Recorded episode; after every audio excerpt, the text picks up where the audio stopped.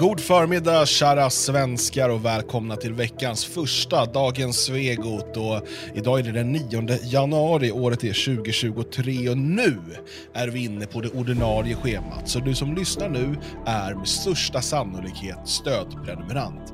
Och det är vi väldigt tacksamma för. Stort tack för att du stödjer Radio Svegot även i år och gör de här programmen möjliga.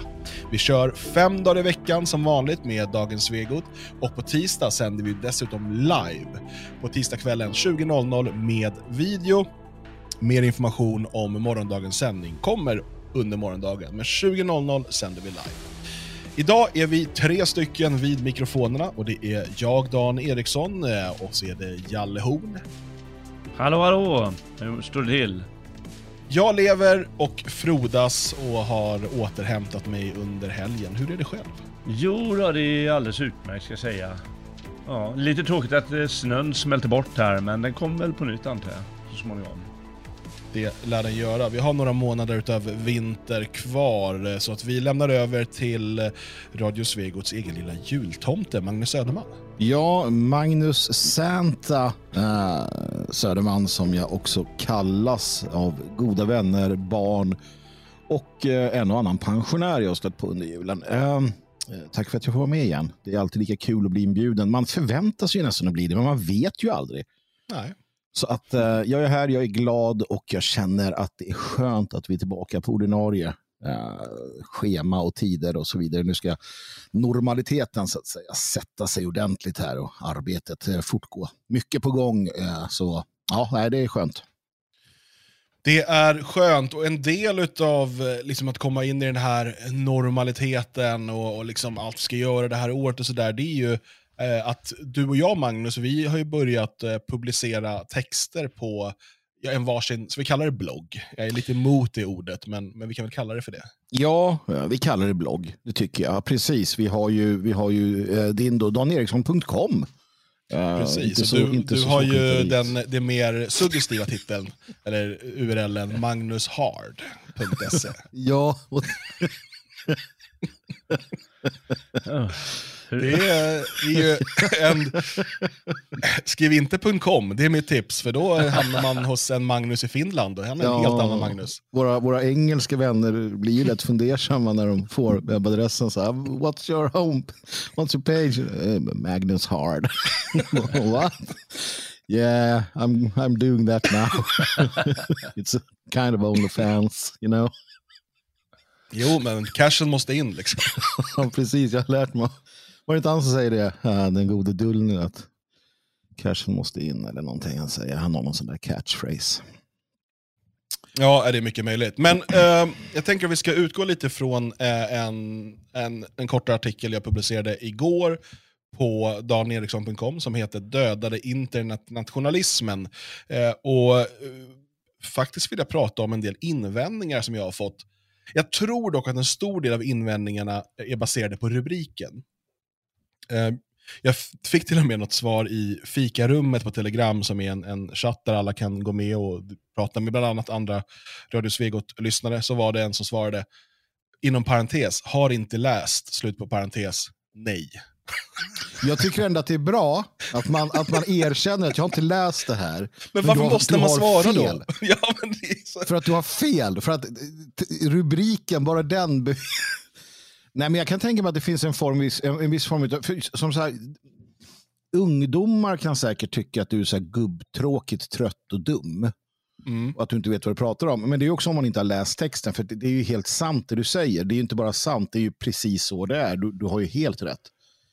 Um, och Det här har vi ju pratat om tidigare naturligtvis. Så det var bra att du fick ner det på pränt här. För att det behövs. Uh, absolut. Så att, nej, men låt, oss, låt oss eh, börja med de invändningar du har fått där, tycker jag.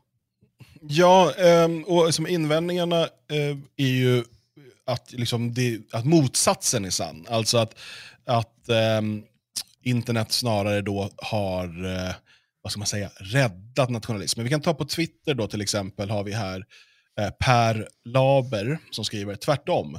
Den för individer och nationer, den för individer och nationer ännu närmare varandra.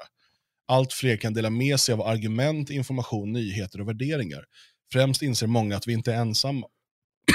Fast det har inget med nationalism att göra. Det har att göra med, med propagandan, propaganda, propaganda, informationsutbyte. Nationalism är ju en, en, det är en metakulturell, metafysisk företeelse. Det är ju inte en, en teknisk fråga. Um, mm, alltså skriver han, det är propaganda, fake news, lögner och censur på internet som är problemet. Och sen har vi även då Freedom of Ideas som skriver, det är internet som har återupplivat den. Utan internet skulle det vara tio gånger värre.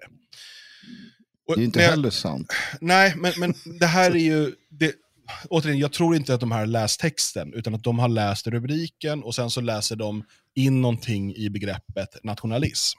Mm. Eh, som är något annat än det som jag skriver om i texten. För att om man går tillbaka till, till min text så pratar jag om alltså vad är en nation och hur skapas en nation, ett nationsbyggande. Eh, vad är det som gör att människor känner gemenskap med varandra och så vidare. Och Då pratar jag om den här gemensamma berättelsen. Och dels har man ju en eh, berättelse om var vi kommer ifrån och så vidare som, som jag menar ofta då ligger, alltså religion och myter och så vidare. Så man, om man har det gemensamt så har man en gemensam berättelse om var man kommer ifrån. Mm. Eh, och Sen har man ju också då Eh, berättelsen om världen vi lever i nu och vilka vi är nu och vad som är sant och falskt och så vidare. Och här menar jag att internet har eh, gjort att människor, eh, alltså från att tidigare, vi tar Sverige som exempel, man hade väldigt grovt förenklat, men Sverige hade liksom två, eh, två kvällstidningar och två morgontidningar, eh, två tv-kanaler fram till 89 vad det var. Eh, alltså människor, en stor del av svenskarna tog del av samma nyheter från samma källa som berättades på samma sätt. Den kunde vara falsk eller sann. Det är inte det relevanta här, det var det vi hade en gemensam berättelse. Um, det här hade såklart redan, alltså diversifieringen av berättelsen, eller vad man ska kalla det för, hade ju såklart ökat med tv, med radio. Alltså ju fler källor det blev. Om du går tillbaka ännu längre i tiden så kanske du fick dina dina nyheter och din beskrivning av vad som händer i världen på söndagar i kyrkan. Och alla i bygden fick höra samma berättelse. Ehm, eh, och, och sen går då fram till internet. Med internet så exploderar ju antalet källor för den här berättelsen. Och de kan vara diametralt olika. Eh, och det, jag menar, om, om jag vaknar varje morgon och ska läsa morgonnyheterna och jag läser dem på Fria Tider, eh, Samnytt, eh, Morgonposten, de här typen av alternativmedier som är mer högerlutande. Man säga. Eh, och sen har du någon som går upp på morgonen och läser sina alternativnyheter från tidningen Syre, eh, Aktuellt Fokus. Eh, och sen har du någon som läser Aftonbladet. Sen har du någon som kanske bara får sina nyheter via de de följer på TikTok. Eh, de här människorna kan ju bo i samma lägenhetshus. De här människorna kan alla ha eh, de, de talar samma språk, de kan ha förfäder i Sverige 100 år tillbaka, 300 år tillbaka, 1000 år tillbaka. De kanske till och med alla är medlemmar i samma kyrka. Alltså i den svenska kyrkan. Mm. Men deras berättelse om världen idag är helt olika. De ena säger att äh, corona är ofarligt och, och vaccinet däremot superfarligt. De andra säger corona är livsfarligt, vaccinet räddar mänskligheten. De ena säger att invandring är skadligt för Sverige, de andra säger att invandringen berikar Sverige. Och Det här handlar inte bara om åsikter, utan att du hela tiden eh, fortsätter att ta del av media, vare sig det är sociala medier eller tidningar, och eh, liksom nyhetssidor, som bekräftar din egen världsbild. Och det här är alltså, jag vill vara tydlig med det, att det här är ingenting som är exklusivt för de som tycker annorlunda än vad jag gör. Utan vi fungerar så här som människor och, och, när det gäller sociala medier pratar man ofta om filterbubblor och så vidare. Eh, men det gäller ju inte bara de man följer i sociala medier, om man nu använder det, utan också vilken eh, vilken morgontidning läser du? Och då tänker jag inte Svenskan eller Dagens Nyheter, för det är lite skitsamma. Men det är en stor skillnad på om din huvudsakliga nyhetskälla är Fria Tider och Samnytt, eller om det är eh, Dagens ETC. Och, och här menar jag att det som internet gör, det, det är, det är positivt för yttrandefriheten, det är positivt för människors möjlighet att få ut sitt budskap. Men jag menar också att det gör nationsbygget betydligt svårare. För att människor som normalt sett i ett tidigare, in, alltså en värld innan internet, skulle eh, kunna identifiera sig och vara en del av samma nation, ha samma berättelse, har inte det längre. Och därmed eh, så blir den typen av nationalism nästan omöjlig. Det är lite det jag försöker argumentera för i den här texten. Um, och jag, jag, jag tänker att om man har läst texten så förstår jag inte invändningen om att det är internet som har återupplivat den. Jag menar, i grunden måste man komma tillbaka till att innan internet så har du en, en eh, gemensam berättelse om nationen. Och nationalism är ju, en, det är ju inte en, nödvändigtvis huruvida du är moderat eller eh, socialdemokrat, eh, kristdemokrat eller eh, mer vänsterlutande. Utan, utan nationen och nationalismen är ju ett nationsbygg, och nationsbyggandet är ju en idé om ett folk som hör ihop eh, på ett kanske djupare plan än deras politiska åsikter. Eh, hör ihop på ett djupare plan än om de läser konservativt eller progressiva nyheter varje morgon. Um, och det, det, var jag menar, på den tiden då vi inte hade internet utan vi hade de här två kanalerna så, så fanns det ju väldigt många som var nationalister, uh, uttalade sådana. Vi hade nationalsocialister i Sverige. Vi hade eh, konservativa, vi hade socialister, vi hade liberaler, vi hade kristdemokrater. Uh, men och, och, och, utan att veta så får jag ändå för mig att man någonstans hade åtminstone en gemensam idé om att det finns en nation som heter Sverige. Det fanns också svenskar på den tiden vilket det, det kanske inte gör idag på samma sätt enligt vad vi har fått, fått oss till liv. Så den typen av liksom, idéer sprids mycket snabbare idag också via internet och de här eh, konstigheterna. Jag, jag, vågar till exempel säga att hela den här trans, eh, transproblematiken hade inte, blivit, den hade inte varit möjlig eh, att få det genomslag på den korta tid som det har fått. Och det är naturligtvis samma sak för nationalismen så som vi då ser den. Men man måste också göra skillnad på nationalismen som en politisk eh, rörelse som vi är en del av och nationalismen som en eh, metafysisk idé om en, en, nation med ett gemensamt ursprung etc. Så att, eh, där tänker jag väl att, att eh, man, kanske, man kanske inte riktigt, ehm, man, som vanligt i denna tid så utgår alla från sig själva och sin egen eh, tanke i detta och då kan det ju slå lite hur som helst. Men, men återigen, jag håller med dig där utifrån den, utifrån den definitionen med nationalism och, och, och, liknande så absolut så har internet eh, med tanke på att vi har filterbubblor och vi har liksom nya gemenskaper förstört eh, själva nationalstatsidén och så vidare. Vilket också ehm, EU till exempel har erkänt i det att de försöker bygga en ny identitet. Och hela idén om identiteter idag det är att, att man saknar den nationella identiteten. Och man försöker skapa nya identiteter. Um, för att du kan inte ha nationell, nationalistisk identitet i en multikulturell nation, multi eller flerrasig nation. Det går ju inte. Mm. Uh, inte, inte utifrån ordets uh, rätta definition, enligt mig, som då handlar om att födas ur, att tillhöra. Uh, ja. Ja, men man kan väl säga att internet ger möjlighet eller skulle kunna ge möjlighet för att köra ett dubbelt om, eh, att eh, få, få igång en, eh, en större nationalism. Men det är bara en möjlighet, det betyder inte att det kommer ske. Och det är det som är problemet med internet, att det, det, det räcker ju inte med internet. Utan det måste ju vara ett större engagemang för att det ska kunna vara en, en nationalism. Och om du ska ha en nationalism, Milan, då måste det ju vara en, en ledande känsla i landet i stort. Eh, det går ju inte att ta små klickar. För då är det inte nationalism, eh, då är det bara några här och var som berörs av det. Så, så jag tycker inte heller att, jag, jag vet inte om internet dödade nationalismen, den kanske dog före internet eh, rent av eh, på sätt och vis. Men, men det är klart att den, den löser ju upp det ännu mer. För det är ju, samtidigt som det är många som använder internet på ett positivt sätt för att komma till, i kontakt med till exempel oss och med varandra, så är det ju också många som använder internet för att komma bort från samma sak.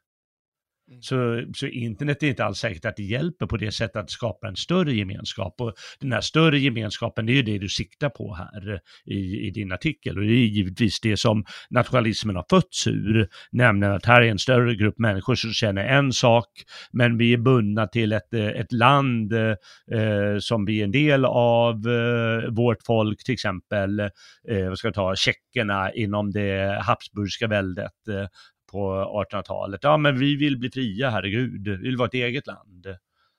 Eh, och då känner de den gemenskapen. Men med, med internet och med andra, andra ska vi säga, egenheter på, i slutet av 1900-talet så har ju det lösts upp. Och det är ett stort, ett stort problem för nationalismen givetvis.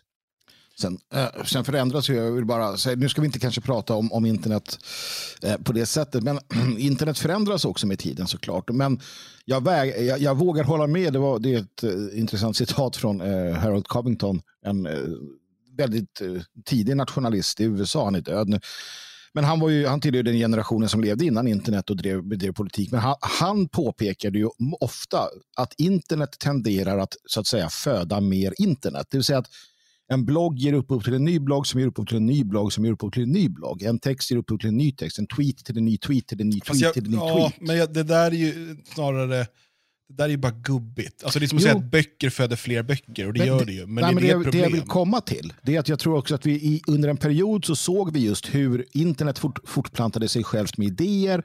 Men sen går man över till en ny, en ny del av utvecklingen, en ny, eh, vad ska man säga, en ny fas där internet de facto eh, just skapar förutsättningar för att samla människor, till exempel som vi gör i Elgarås, eller det finns andra alternativ som, som börjar på internet, som föds på internet och sen kommer samman och skapar någonting i den verkliga världen. Här får man bara se att internet utvecklas och människor lär sig använda det på nya sätt. Så att det är ju det positiva, att det ger den möjligheten om den används. Så att man kan liksom inte bara som sagt gubbsurt äh, bara säga att Ja, men jag tror att vi pratar om lite olika saker här också. För att eh, jag, alltså det här är inte, jag är inte emot internet, utan det handlar ju om att konstatera att eh, eh, alltså, så som världen ser ut idag, så är eh, nationsbyggandet en helt annan process än den var tidigare. Alltså, eh, nationsbyggande är någonting som pågår hela tiden. Eh, och i, eh, i, jag menar, i Sverige, det, det är ju inte så att det var så här, nu finns Sverige och alla känner sig som svenskar och känner en gemenskap med alla från eh, sö söder till norr och öster till väster som, som bor inom riket. Det är inte så det har funkat, utan det har ju varit en, en process som har liksom gått via, eh, via kulturen, via politiken, eh, via armén eh, och massa olika bitar som har gjort att man har eh, skapat den här Eh, nationella identiteten eh, och den nationella gemenskapen. Ehm, det finns ju folk, i, alltså, som skåningar till exempel, som inte alltid har tillhört Sverige. Det har inte varit självklart, och det är för en del skåningar fortfarande inte självklart, att de ska ha en svensk identitet och en, känna en del av en svensk av en svensk nation, även om de flesta skåningar gör det idag. Det har gått så pass lång tid. Och, eh, under hela eh, första halvan åtminstone, men en bra bit på andra halvan av 1900-talet så var det ju eh, försökte ju Socialdemokraterna med folkhemmet att, att bygga vidare på den här eh, identiteten genom att försöka utradera eh, de eh, regionala skillnader som fanns, vare sig det var i kulturella uttryck, dialekter och så vidare, vilket jag anser var ett, ett, ett vidrigt övergrepp och ett svek eh, från, från staten, men, men det är en separat diskussion. Men, men jag menar bara att det här är något som pågår hela tiden. Idag, med så som världen ser ut, med billiga flygresor, inte lika billiga längre dock ska sägas, ehm, eh, och med eh, alltså, möjlighet att, att flytta och bo lite överallt utan att man behöver vara superrik för att göra det. Eh, och eh, med internet gör att platsen du är på begränsar inte din um, din gemenskap. Alltså i, i en tid innan internet och innan liksom det här excessiva resandet så eh, var det så att du växer upp på en plats på jorden, vi säger då i, i Sörmland, på en gård, eh, och du framförallt, du kanske gör liksom några resor till, till Stockholm, du kanske besöker eh, Helsingfors någon gång. Så här, Oj, det var en rik, rik Ja, men lite i modernare tid. Liksom. men eh, det är fortfarande så att du, alltså din gemenskap, din identitet formas av platsen du bor och växer upp på. Det är väldigt sällan du liksom har möjlighet att ändra den. Med, med industrialiseringen så flyttar fler in till städerna och sådär. Men det här, alltså, när, idag så är det egalt om du bor i eh, Stockholm, Tokyo, New York, London. Jag tar en massa storstäder nu och det gör jag av en anledning. Men du kan också bo i Elgarås och gå upp på morgonen, sätta dig vid datorn, ha hela din gemenskap eh, online.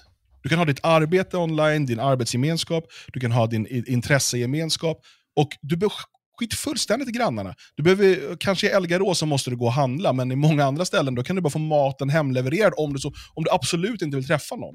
Och Sen kan du ha en, eh, en gemenskap och en identitet tillsammans med tre stycken i Australien och två i USA. Och, fem, och så sitter ni och har redan vad det nu är för någon typ av identitet och gemenskap ni, ni bygger tillsammans.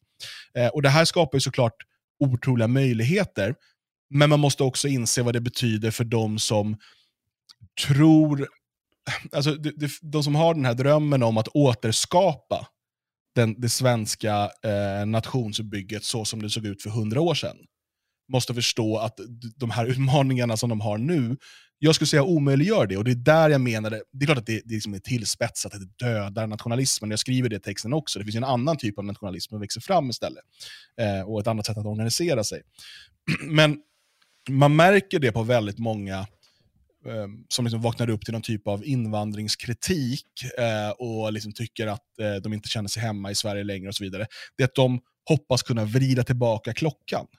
Mm. Eh, och det, alltså även om vi på något magiskt jäkla sätt, eh, liksom, att, att, politiken då skulle på något sätt då, eh, driva på en, en omfattande återvandring, så att Sverige, 95% av de som bodde i Sverige var etniska svenskar, så är inte det Eh, Eh, och med etniskt menar jag då bara rent genetiskt eller biologiskt, ursprungsmässigt sett svenskar. Men det betyder inte att de här 95 procenten har en svensk nationell identitet och framförallt inte att de är nationalister i den mening att de, de då ser eh, nationen, alltså folkets, det gemensammas eh, bästa framför allt annat det, eh, jag, ser inte, jag ser inte riktigt den möjligheten i eh, en värld där vi har så pass olika berättelser om verkligheten. Och jag, jag, jag vet inte hur man ska komma åt det utan att eh, liksom införa någon typ av eh, jag vet inte, förbud. Alltså då måste du ha någon typ av, nu får ni bara läsa statliga hemsidor. Nu ska ni fostras till goda, nu ska ni, nu ska ni bli en del av den här identiteten. Alltså, med internet så blev vi inte lika bundna av vår geografiska position. Eh, och eh, vi kan inte på samma sätt då fostras in i den här identiteten. Sen kommer alla stater försöka skapa nya identiteter, nya gemenskaper och så vidare för att det är nödvändigt för att hålla ihop staten. Men det är inte samma sak som nationalism. Men det jag menar är att nationalismen eller den nationella idén eller idérörelsen, idéskapandet, och det är här man måste förstå, den har aldrig varit särskilt nostalgisk eh, annat än eh, som en del av en, en, att skapa en förståelse för var man kommer ifrån. Nationalismen har alltid varit progressiv, den har alltid varit revolutionär, den har klivit fram, den har velat förändra, den har velat ta till sig nytt, den har velat skapa liv, göra nationen livskraftig. Det är när man blandar ihop liksom nationalism och konservatism som det kan bli lite knepigt. För, för konservatismen är den här äh, trötta bevarandet av någonting och allt var fem steg bakom. Tittar man på nationalismen i Europa, rörelserna, de som har kommit fram, det är ju de som, det är de som tar kontrollen och berättar berättelsen. Det är de som ser en nation som faller samman, en trött nation, en nation som splittras. Och sen så kliver de fram och säger att det här är vi. Det här är Tyskland, det här är Spanien, det här är vårt arv, det här är Rumänien, det här är vi, det här är ledaren, det här är människorna, det här är ungdomen som går först, det här är det livskraftiga, det fräscha, det nya, det moderna. Nationalismen är modern. En nationalism inte är modern, det är inte en det är inte en nationalism som kan komma någon vart. Um, och det är det här vi har missat någonstans. Och det är inte så konstigt, efter 45 så faller nationalismen i vanrykte i hela världen.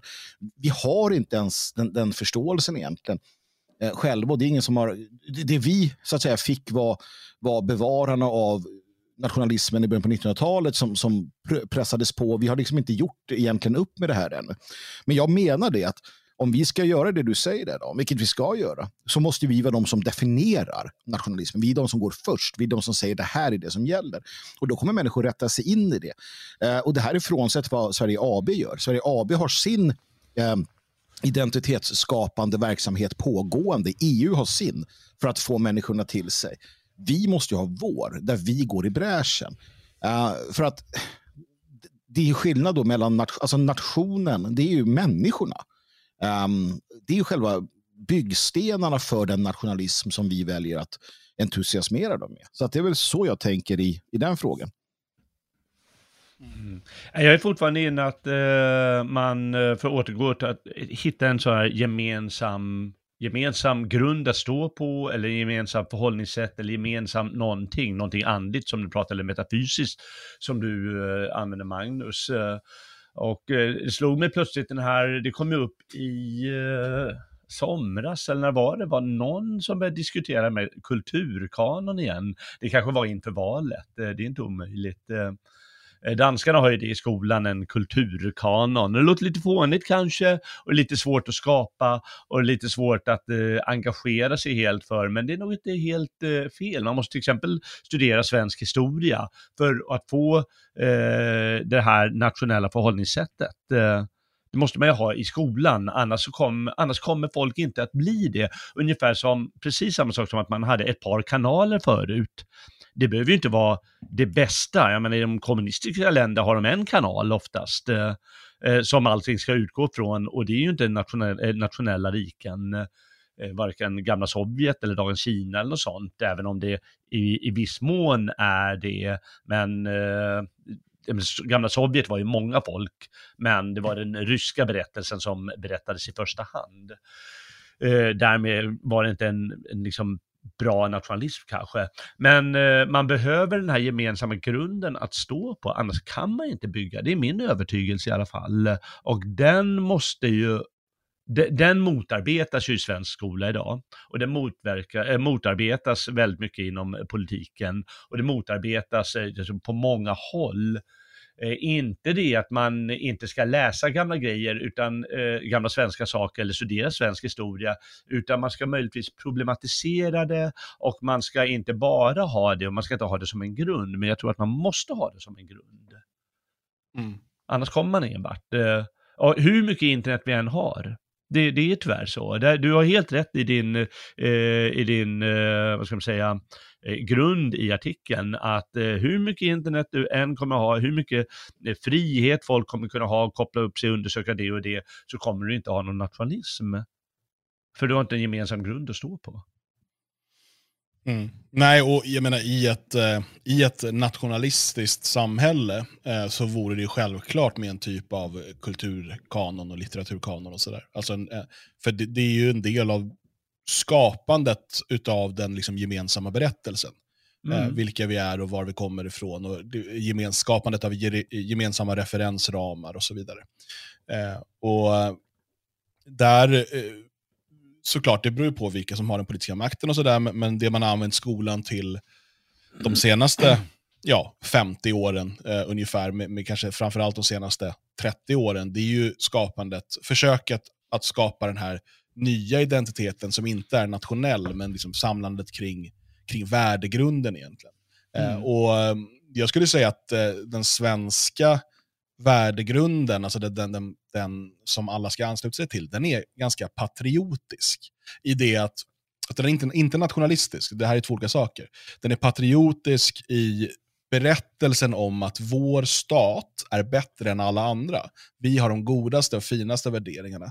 Vi har världens bästa sjukvård, världens bästa skola. Det här är berättelsen som i alla fall jag fick växa upp med. Det här var socialdemokratins berättelse om hur arbetarrörelsen eh, befriade folket eh, från, från adelns förtryck. Eh, hur, hur arbetarna eh, fick eh, bra löner och bra villkor, eh, hur vi fick eh, fri skolgång och fri sjukvård. Eh, och jag levde med den här berättelsen fram till sena tonåren när man började liksom på egen hand besöka utlandet och lära sig att, vänta, det funkar ju lika bra eller bättre i andra länder. men, men det är den, den här, det är en typ av patriotism som, som många svenskar har, men det, det är inte samma sak som nationalism. Um, och precis som Magnus är inne på, att nationalismen är metafysisk. Och jag tror att många av de här som, eller det är inte så många, men do, utav de som eh, har haft invändningar och påstått att det är tvärtom, att nationalismen då har, eh, eller internet har då hjälpt nationalismen och så vidare. De blandar ihop nationalism och invandrings kritik.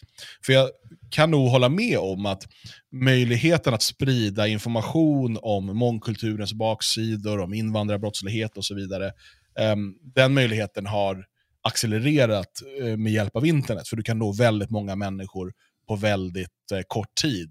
Till skillnad från om du måste gå och dela ut flygblad eller stå och ropa i megafon på torget eller hur du behövde göra innan. Eftersom vi inte hade tillgång till eh, tidningar och sådär. Men det är ju två helt olika saker. Alltså, invandringskritik är ju en realpolitisk fråga. Nationalism är liksom nationsbyggandet och eh, viljan att både bevara och försvara eh, den nationen, alltså det gemensamma eh, folket. Eh, så att det är två helt olika saker, men jag, jag, tror att väldigt många har sätter ett likhetstecken eh, mellan Eh, alltså om, om människor blir mer invandringskritiska, då är de automatiskt nationalister. Men det, det behöver de inte alls vara. Man kan vara, alltså jag menar, sossarna har länge varit mer invandringskritiska än moderaterna. Facket har varit invandringskritiskt. Alltså invandringskritik kan ju ta massa olika former. Nej, det är dåligt för de kommer arbeta utan kollektivavtal, det är dumpa löner. Eh, nej, det är brist på bostadsmarknaden. Men det där har ju inte med nationalism nödvändigtvis att göra. Det är ju helt andra realpolitiska frågor. Och, eh, så att absolut, jag tror att internet har hjälpt att sprida det invandringskritiska budskapet. Men internet i sig gör att nationsbyggandet måste ta en helt annan form än vad det gjorde i en tid när alla i stort sett hade samma berättelse. Ja, jag tror också att uh, ett problem som vi ser, och det är inte bara vi som ser det, utan det är ju de facto hela hela samhället eh, har ju under många år sett detta. Eh, framförallt då frivilligorganisationer och, och eh, alltså föreningsvärlden. Och det är ju att människor eh, inte på samma sätt deltar i gemensamma strävanden. Det kan vara allt från det lokala fotbollslaget till eh, liksom, eh, hembygdsgårdar eller arrangerande av midsommarfiranden eller vad du vill. Eh, det, det, här, allt fler väljer, eh, eller så att säga hamnar i, eh, eller man hamnar i en bekvämlighet som utgår ifrån den nya tekniken på olika sätt och vis. Eh, där man, där man tillgodogör sig, tycker man fullgott, eh, de flesta aspekter av det mänskliga livet online.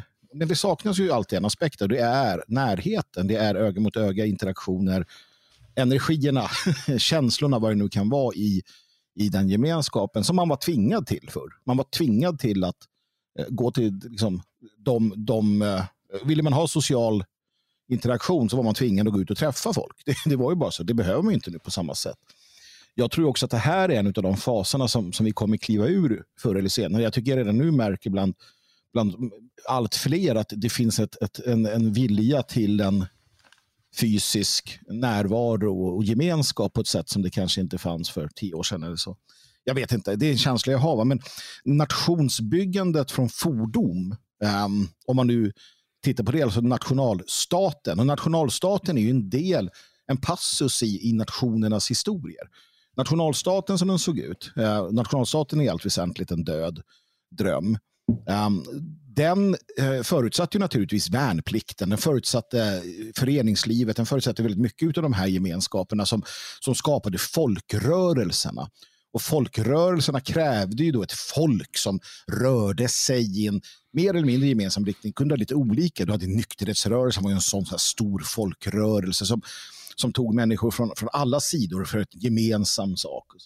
Nu, nu ser vi andra typer av, eh, för vi går in i andra, en, i, vi går in i en annan och det är det du tar upp här också. Det är inte det att nationalismen, alltså det är en annan typ av nationalism, en ny typ av eh, nationalstatsbygge vi gör. Alltså, det är inte den gamla utan det är det nya och det är det det handlar om. Att hela tiden erkänna vad som har farit och sen se vad som är och sen då hur vi går vidare. Just det här jag pratade om att vi är någonstans progressiva. Nationalismen är en framåtrörelse. Uh, och där tror jag att vi har alla, alla möjligheter att använda internet men också naturligtvis förankringen i det småskaliga. Och det här har vi pratat om i det fria Sverige, det, det lilla, Eh, den lilla enheten och så vidare men, men som också då eh, de facto agerar och, och är verksam i RL. Mm. Um, vi nämnde det här med nostalgi. Uh, och Vi kanske ska ta upp då bara någonting som, för att då uh, gå tillbaka till internet, något som just nu trendar på Twitter. Uh, och det är Bullerbyn.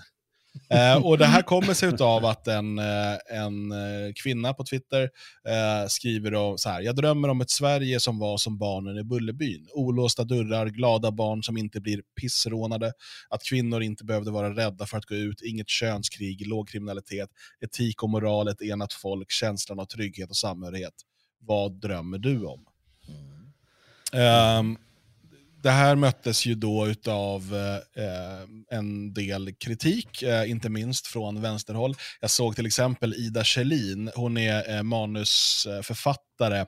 Hon, är, hon gör så julkalender i SVT, hon eh, eh, skriver manus till Bam, de nya Bamse-filmerna och sådär. Riktigt eh, PK. Brinner, hon, hon berättar någon gång att hon brinner för att hon vill göra barnprogram mer feministiska och sådär. Eh, hennes invändning var ett, alltså ett fantasiland.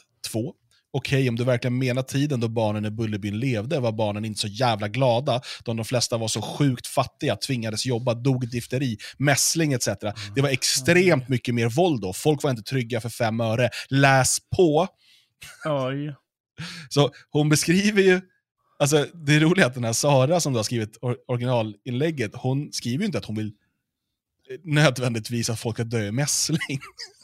alltså, det blir så jävla absurd invändning att liksom, jag drömmer om ett land som är så som det framställs i den här sagan. Det är ju vad hon säger. Mm. Mm. Och, ja. Och, ja, så bara, ja, då, då, då, alla är fattiga, det är det du vill. det är den vanliga kritiken, de, de kör motsatt lopp. Det är mm. vanliga sätt att besvara, det är så löjeväckande. Mm. Ja, men, eh, som du säger, jag vill bara ta, det är kanske löjligt att säga det, men jag vill bara ta fasta på att om jag skrev jag drömmer om ett Sverige som var som Star Wars.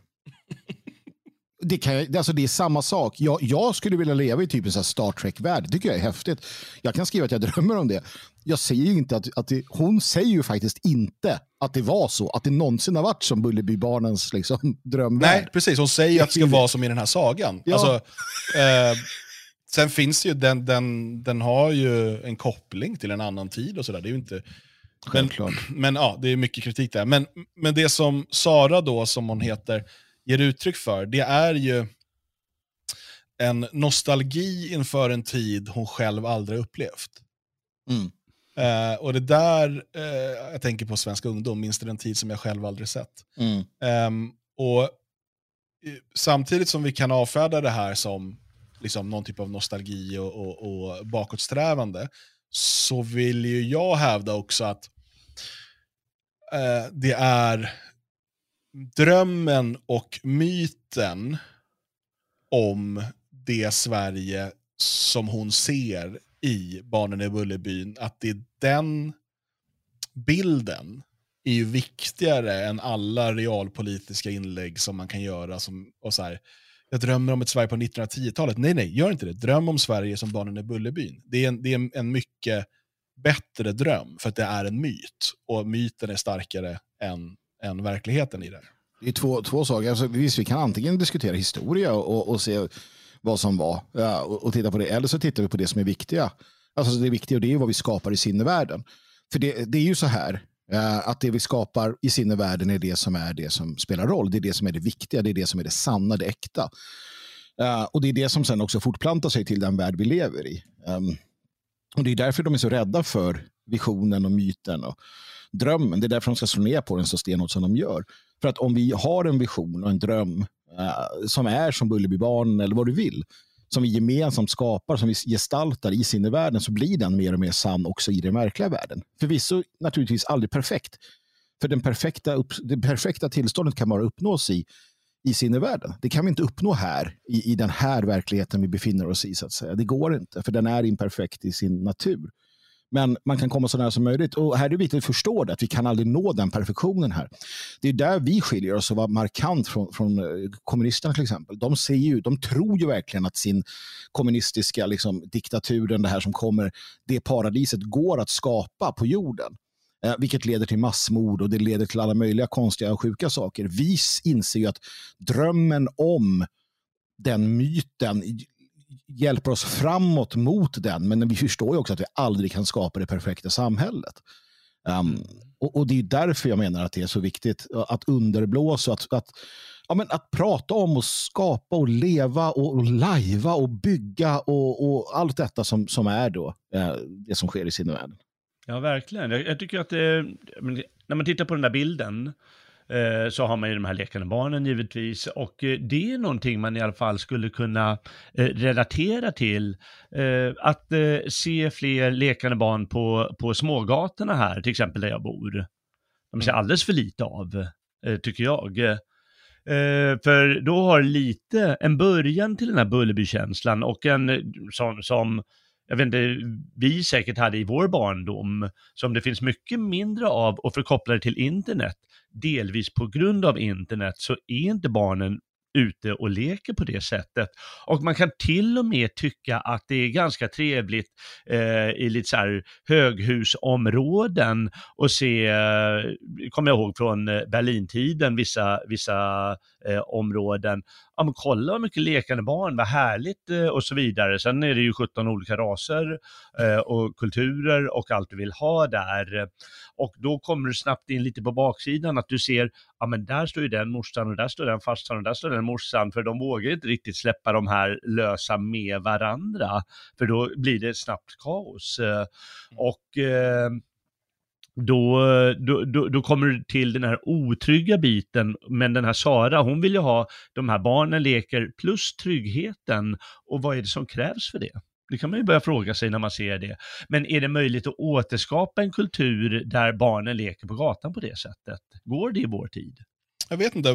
Det är intressant det där då med hur internet förändrar eh, hur vi interagerar med varandra. Jag tar Eh, min grabb då som eh, han spelar um, de här Roblox och Minecraft och sådär. Då spelar han med en gammal kompis från när han bodde i Tyskland eh, och så har de med sig någon mer som man inte känner sedan tidigare, med någon annan sådär. De sitter, eh, som också bor i Tyskland. Då. De sitter och snackar och spelar eh, sådär. Eh, den där möjligheten fanns ju inte när vi var små, utan så som vi gjorde då, det var att antingen man tittade ut, är det någon ute och leker?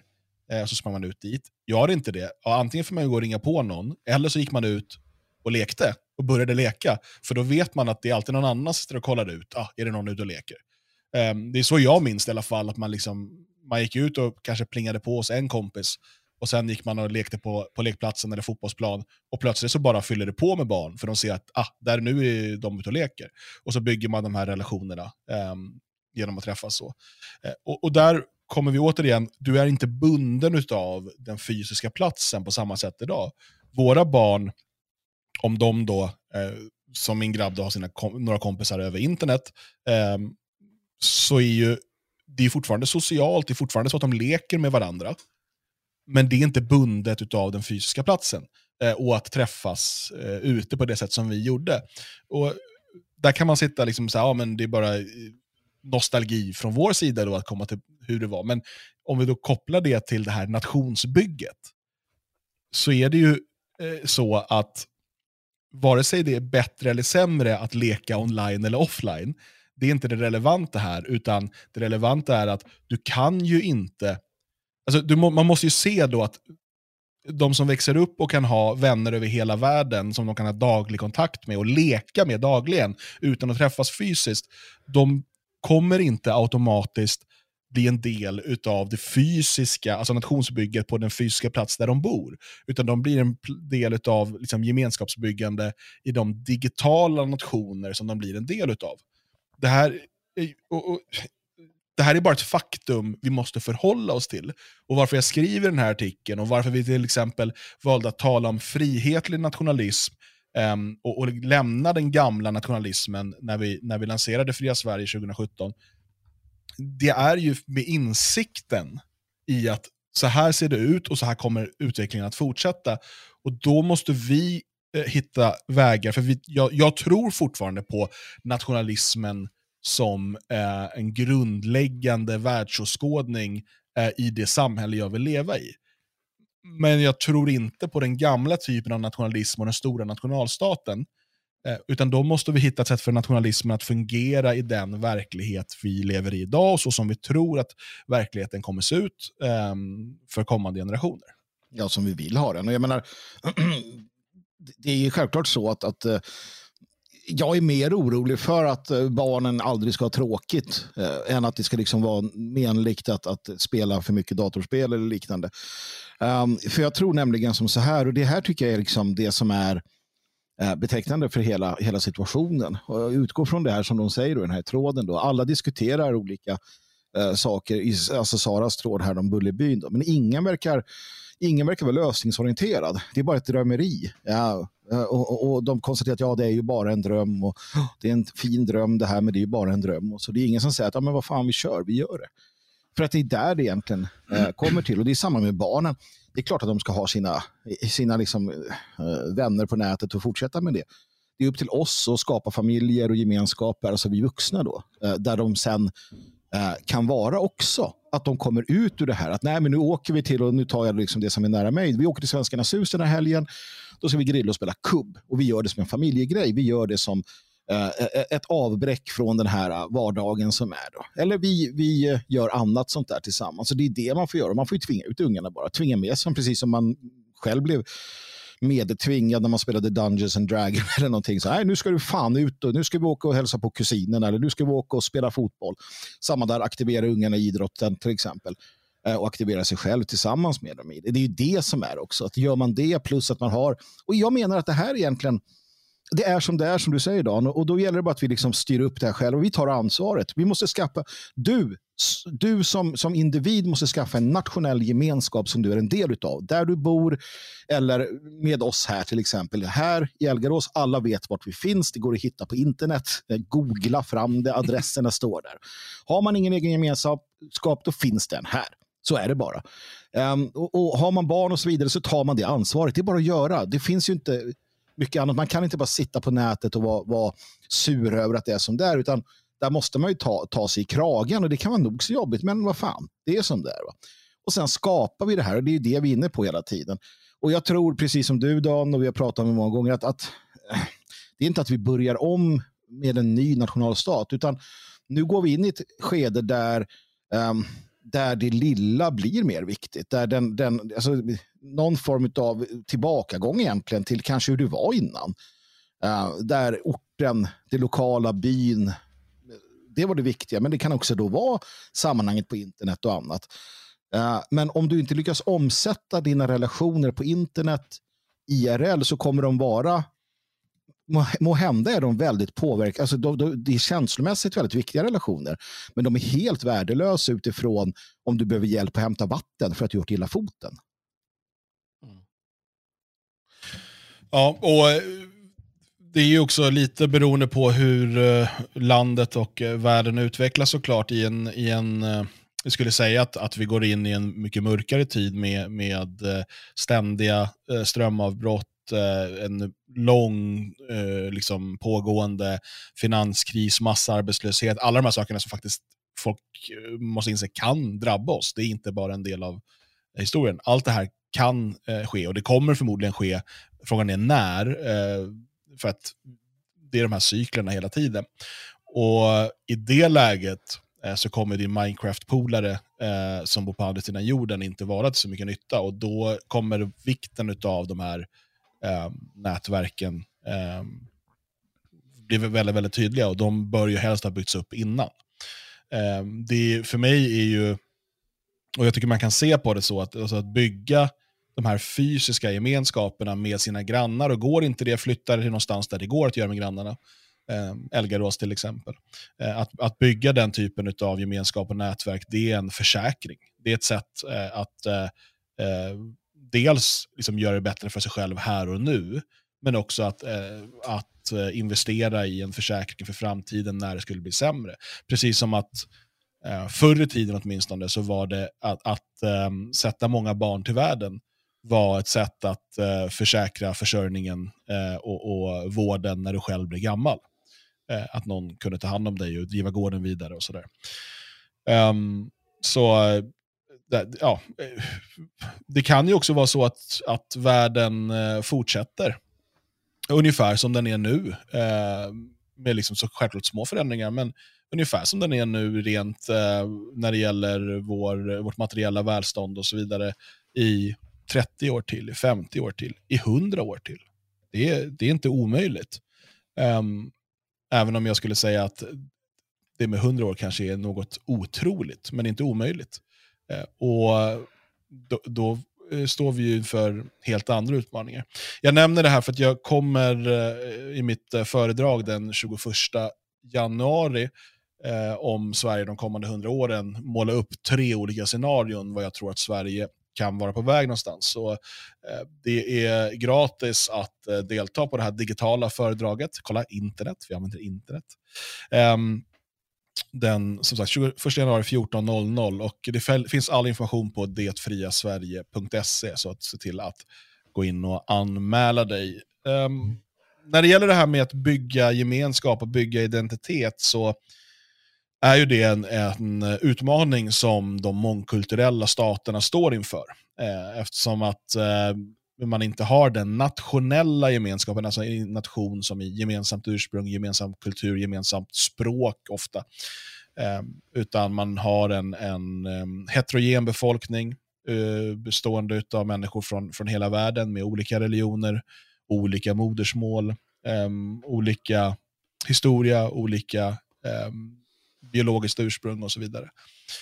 Eh, då försöker man istället hitta nya sätt att, eh, att bygga gemenskap och identitet. Jag tog upp ett exempel eh, med Socialdemokraternas patriotiska folkhemsbygge som då skulle vara frånkopplat den nationella identiteten.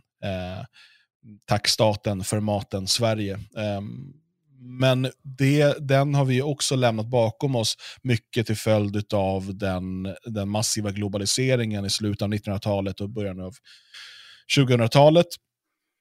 Och istället så famlar man nu efter nya sätt att eh, bygga en typ av gemensam eh, identitet. Och i morse så höll Ehm, försvarsministern och statsministern en presskonferens, presskonferens där man meddelade att man tänker återinföra civilplikten.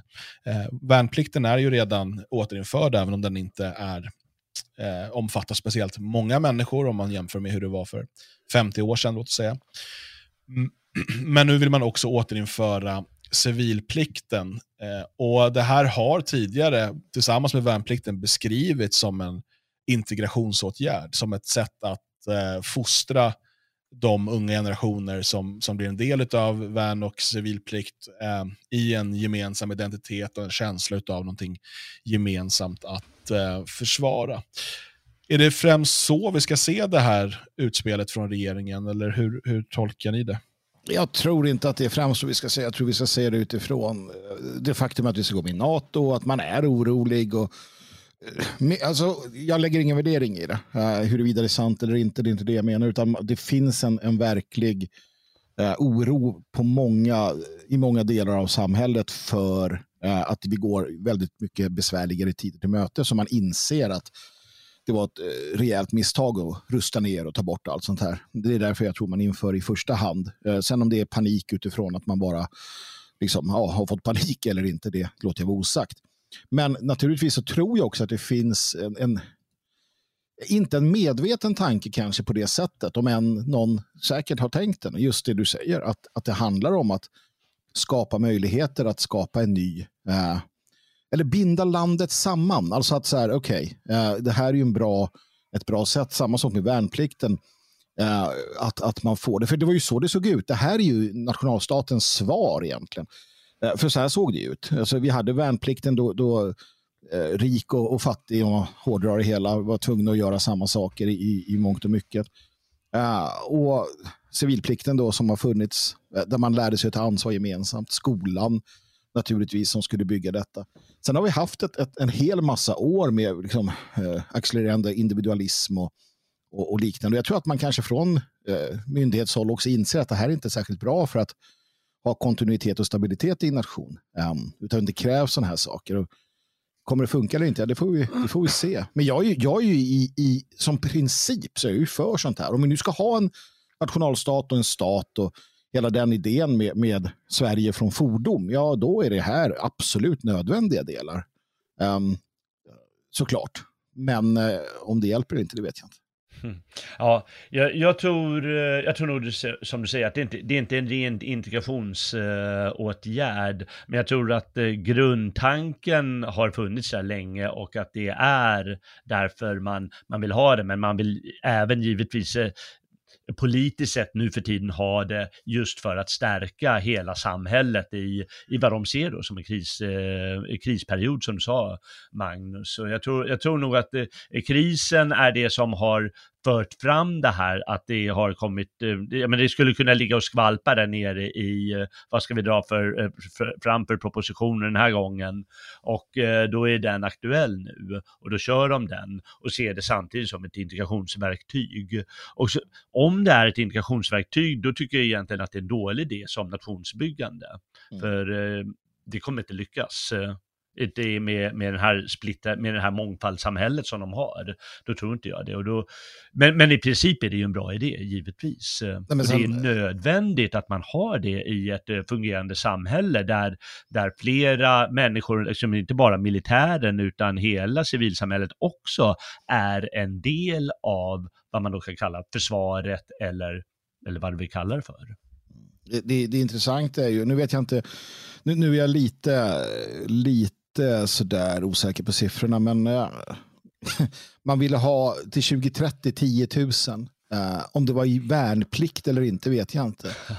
Det. Um, total, alltså värn och civilplikt tror jag. Ja, 10 000. Och det vi ska komma ihåg då, ja. det är att de som kommer att vilja göra mm. det här, det är ganska bra människor.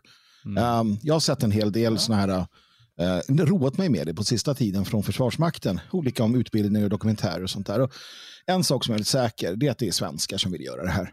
I allt väsentligt. Svenskar och typ Hanif Bali. Vi är där igen. uh, samma sak om du tittar på polisen. De har nu i 30 år eller någonting haft riktade kampanjer varje jävla år. Vi vill ha homosexuella, vi vill ha färgade, vi vill ha kvinnor och framför allt är det vita heterosexuella män som känner att de vill bli poliser. Om och om och om igen. Samma sak i armén. Framför allt vita, schyssta, bra svenska killar eh, som vill bli det. Och en annan Hanif Bali som har liksom akklimatiserat sig och blivit så svensk man nu kan bli inom, inom liksom, eh, själva, eh, själva ramen för liksom, vad, vad folk eh, ser som svensk de här gettokillarna och, och tokstollar och annat, de vill inte göra det här. De vill inte, de vill inte, vad fan, på sin fritid, ska de åka och lära sig att laga soppa till några jävla bananar? Inte en chans. De har ju flytt hit inom citationstecken. De vill inte vara en del av det. Så att det här kommer vara en väldigt, väldigt svensk historia i allt väsentligt. Några aktivister som ska visa att ah, men titta här, jag är, jag är både tjock och flata och jag kan minsann också bli jägarsoldat och så kunde hon inte det. Uh, alltså sådana kommer dyka upp. Men i allt väsentligt tror jag att utifrån vårt perspektiv, det här är ett bra sätt att uh, aktivera våra barn och uh, själv bli en del uh, utav någonting i, i närsamhället och få um, få kunskaper. Jag är definitivt beredd att hoppa in som civil, uh, civilpliktig i det att jag lär mig saker om den bygd jag bor i och ja, kan göra nytta i händelse av kris eller annat. Så att det här ska vi använda, kära lyssnare. Vi ska, ska ta, ta det här till oss, det tror jag. Ja, det kommer ju, som det var tidigare, då fanns det sådana här civilpliktsutbildningar man kunde gå. Um, alltså för att lära sig olika det var allt från så brandförsvar till, ja, det fanns massa olika som, mm. Mm. som fanns då, eh, som man tog bort. Um, och kommer den typen av utbildningar, alltså det kan ju vara bra kunskaper att lära sig hur som helst. Eh, så att man bör absolut eh, hålla utkik. Jag tänker bara att eh, det är lite lustigt det här. Alltså att man eh, vill återinföra civilplikten. Eh, att Moderaterna står där och pratar om vikten av totalförsvaret och, och sådär. Eh, vi har alltså Moderaterna som då 2009 avskaffade värnplikten. Eh, och istället då skulle man ersätta det med ett yrkesförsvar. Man sa att det, värnplikten har spelat ut sin roll. Eh, den, den liksom, det, det, är för en annan tid, eh, nu ska vi vara ett yrkesförsvar. När det här förbereddes eh, i, i riksdagen, eh, och det gjorde det under några år, då var ju alla partier för det. Alla partier, inklusive sossar och vänster. Sen kom ju Rysslands eh, invasion av ehm, Georgien 2008. Och då blev det en vidare diskussion och, och Socialdemokraterna, Vänstern och eh, tror även Miljöpartiet, de, de vacklade lite där, men de röstade för emot till slut. De ställde sig då för att behålla värnplikten. Eh, och Det som Moderaterna istället gjorde var att dubbla, eh, liksom, så här, vi ska ha mycket mer yrkessoldater bara, så ska det vara. Eh, och så lyckades man, eh, borgarna, rösta igenom eh, nedläggningen av eh, värnplikten. Då ska man ju säga att värnplikten hade monterats ner eh, under eh, lång tid. Eh, sen eh, nu så står man här, eh, Ryssland har invaderat Ukraina och nu så ska man ha civil, civilplikt igen. och värnplikten har man återinfört för, för några år sedan under socialdemokratin. och det är man nu för. Alltså 2016 så sa Moderaterna att man absolut inte vill ha återinförd värnplikt. Och det, varför tar jag upp det här då? Får man inte ändra sig? Jo, men vad fan ska vi med politiker till? Alltså om de bara kan reagera på exakt det som händer, så är de ju helt meningslösa. För att de ska ju vara förutseende. De ska ju kunna, det är precis som, som med invandringen. Eh, nu står de här med, liksom, vi har hundratals utanförskapsområden, gängkrig, eh, förnedringsrån, svenskfientlighet, allt det här. Och så säger de, vi såg det inte komma. 2014 står Moderaterna eh, och ropar “Öppna era hjärtan! In med alla invandrare i Sverige!” Och sen några år senare, ja, vi såg inte det här komma. Och det är samma sak här. 2009, lägg ner värnplikten! 2016, aldrig mera värnplikt! Och, och sen 2023, vi ska inte bara ha värnplikt, vi ska ha civilplikt också, för det behövs ju. Va? Det finns ju andra länder som kan vara aggressiva mot oss. Vi såg inte det här komma. Alltså, hur kan man få vara så dålig på sitt jobb? Hur, alltså, det, det är ju... Ja, jag...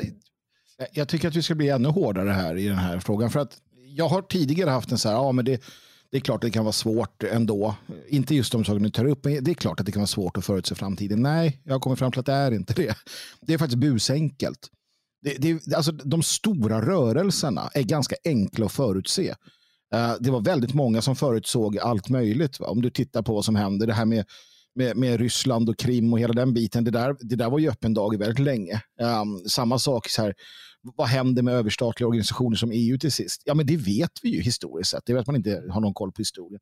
Men sen har man en, en, en äh, återigen, man har den här idén om att man, ja, men, eh, det som har varit behöver inte nödvändigtvis upprepas, utan vi kan faktiskt, eh, om vi bara fortsätter att slå huvudet i väggen ett litet tag till, så kommer det bli ett annat resultat än att vi får ont.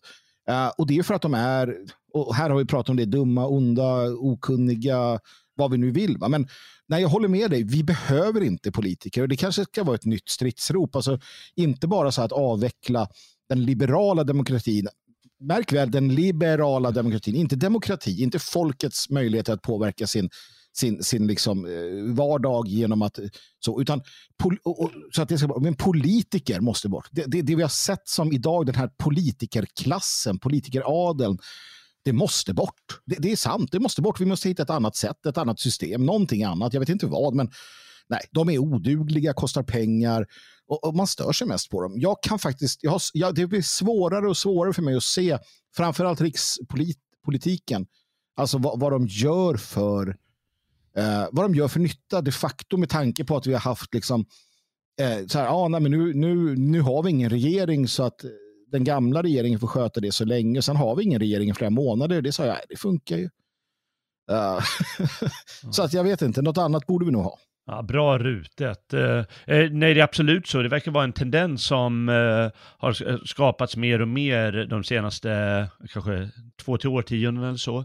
Eh, att politikerna ska göra mer och synas mer och, och vilja mer. Eh, eh, jag kommer ihåg, när, för inte länge sedan läste jag någon artikel om energipolitiken och problemet med energipolitiken i Sverige, det är att politikerna har tagit över mer och mer från ingenjörer. Och så länge det var ingenjörer som skötte det här och eh, gjorde det sakta men säkert, då gick det bra. Men när politikerna skulle komma med sina klå, eh, klåfingriga idéer, då gick det väldigt snabbt åt peppan.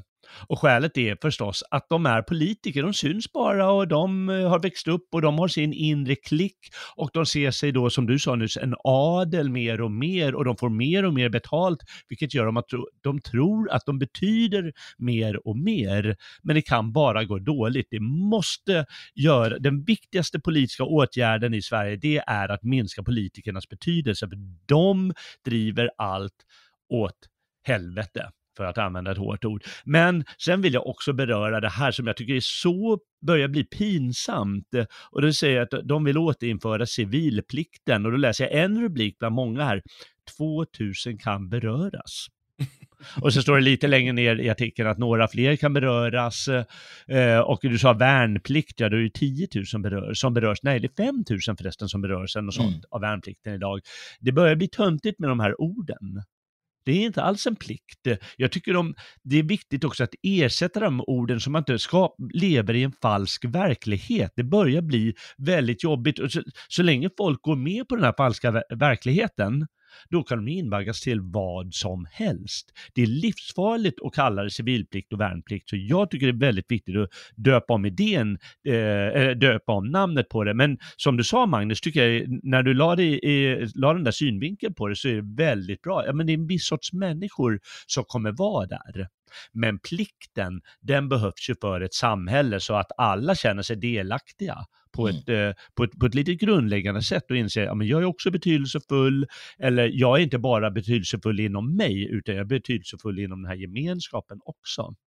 Men ja, till att börja med, visst, varsågod, byt mening, erkänn att ni var pajaser i tio år och bara snackade skit och byt namn på fanskapet.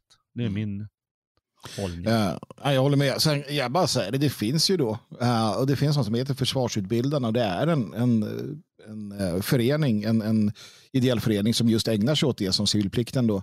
Uh, det hette frivillig, befäls, eller frivillig befälsutbildning var en del av det här en gång i tiden mm. och så vidare. Där man kan på egen fri, av egen fri vilja hoppa in och just lära sig en massa saker. Och, och återigen, jag ser, jag ser Sverige AB för vad Sverige AB är. Jag ser Sverige AB, det, de har sin polis, de har sin militär, de har sitt system, de har sin skola. Och jag ser det som eh, jag ser det på det här sättet, som fri svensk, alltså en, en medborgare, en frivillig medborgare i det fria Sverige, eh, så ser jag det som min eh, uppgift att, att också då lära och, och, och sprida idén om att använd Sverige AB.